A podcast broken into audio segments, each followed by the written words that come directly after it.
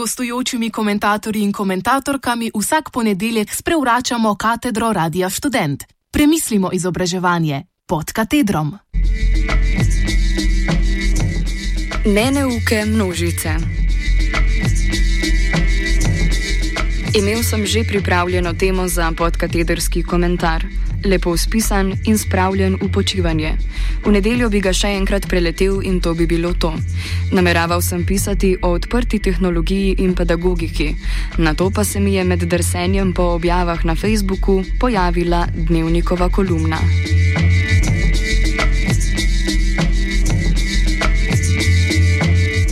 Kolumno je spisal Goran Vojnovič, Na začetku prispevka poskuša povezati svojo izkušnjo branja dveh romanov s pojavi populizma. Pripoveduje o tem, kako je ob branju modernističnih, abstraktnih stavkov in verzov v enem izmed romanov zaznal srčico tega, kar problematizira kot populizem. Pustimo ob strani kritiko, da je avtor najbrž bral bolj novobaročno pisanje in opisovanje, a naj to problematizirajo drugi.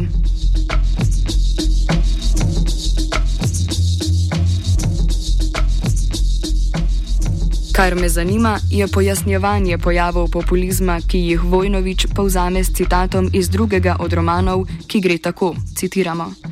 Barvite pridevnike velja s pridom uporabljati.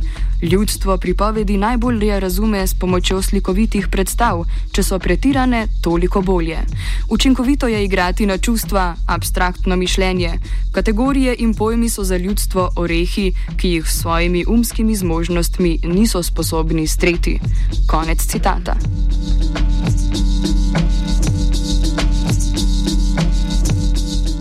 Recimo, da poskuša avtor v začetkih podati določeno kritično diskurzivno analizo.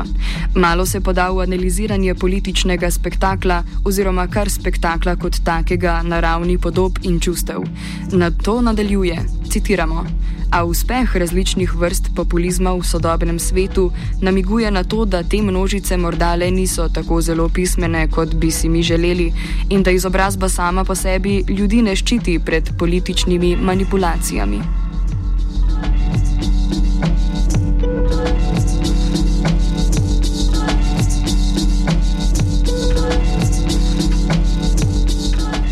Tisto, kar manjka vsemu temu, je le še oznaka slovencelni in avtor bi poletel v kritičnega javnega intelektualca ob bok poznanim kolumnistom, ki prav tako uporabljajo podobne tehnike analiziranja in razlaganja aktualno-političnih fenomenov. Takšno razlaganje gre v smer prepričanja, da neuke množice le usrkavajo ideologijo in imajo tako napačno zavest od tiste prave, ki bi si jo mi želeli, kot navaja Vojnovič. Ponavadi se temu doda še par površnih, ravno tako antipopulističnih kritik desnice, kajti dobro se ve, da suverene vedoželjne množice, ki si jih mi želimo, ni mogoče enačiti z nevedno množico, ki jo skrbijo le sebični lastni materialni interesi.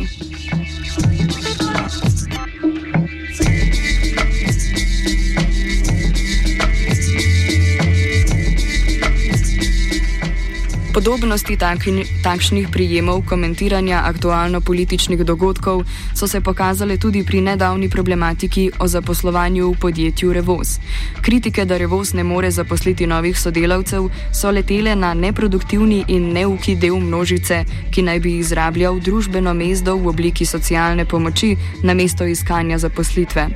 Vse, kar bi bilo treba narediti, je tako nagovoriti te neuke množice, da se mobilizirajo in postanejo postanejo aktivni, socialno odgovorni člani družbe.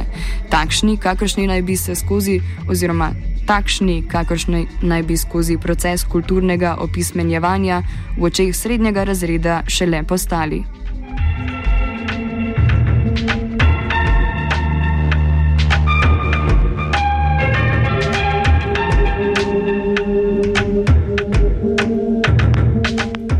Teh primerih je kvazi kritični antipopulizem striktno nereflektirano populističen in zauzame obče mesto v slovenskem polju javnih intelektualcev.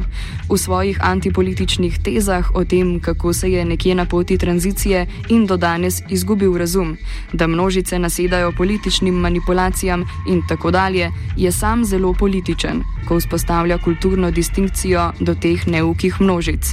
Kot v svojem članku ugotavlja Primoš Kraševec, gre pri tem za obliko razredizma. Citiramo: Srednji razred, ravno zato, ker ni zares razred, temveč kulturno določena družbena skupina, aktivno in intencionalno uporablja kulturo za lastno reprodukcijo in ustvarjanje razlike in socialne razdalje do drugih družbenih skupin. Konec citata.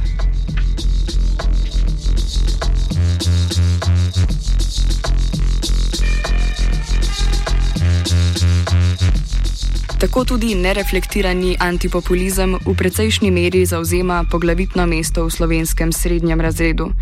Pri poudarjanju kritike političnega spektakla ali aktualno političnega dogodka ta postavi antipolitično tezo, da gre pri vsem le za ideološko zbadanje in politično manipuliranje, ter zanemari materialne pogoje, ki pa mogoče prispevajo k vzniku nekaterih političnih zahtev in želja pa naj bodo te še tako manjšinske. S tem, ko se poskuša nekdo izuzeti iz samega spektakla in odmakniti od ideologije, se spektakel in ideologija v družbenih odnosih že vse čas igrata z njim.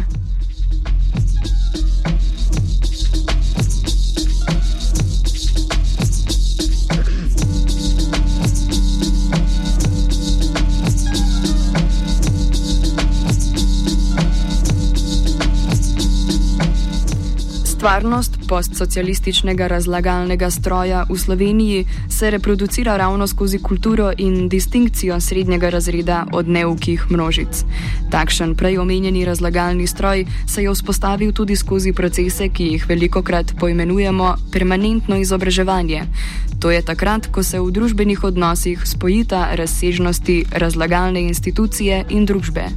Temu se v institucionalni meri pridružujejo še vzpostavljeni in razširjeni centri za vseživljenjsko izobraževanje, ki so v veliki meri posledica postfordističnega produkcijskega procesa.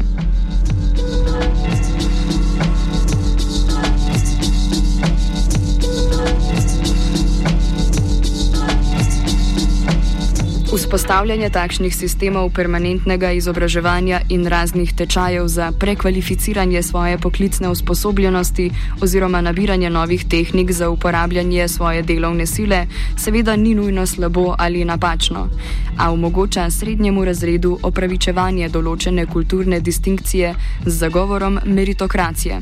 Tako lahko pridigajo, da nam je vsem na razpolago, da se prekvalificiramo in naredimo par tečajev več ter se zaposlimo v tem primeru v revozu. Ob tem pa bi bilo neuzdržno, da bi slučajno za začetek kritizirali delovne pogoje in zahtevali dostojno plačilo, ker bi bilo to mogoče že preveč populistično.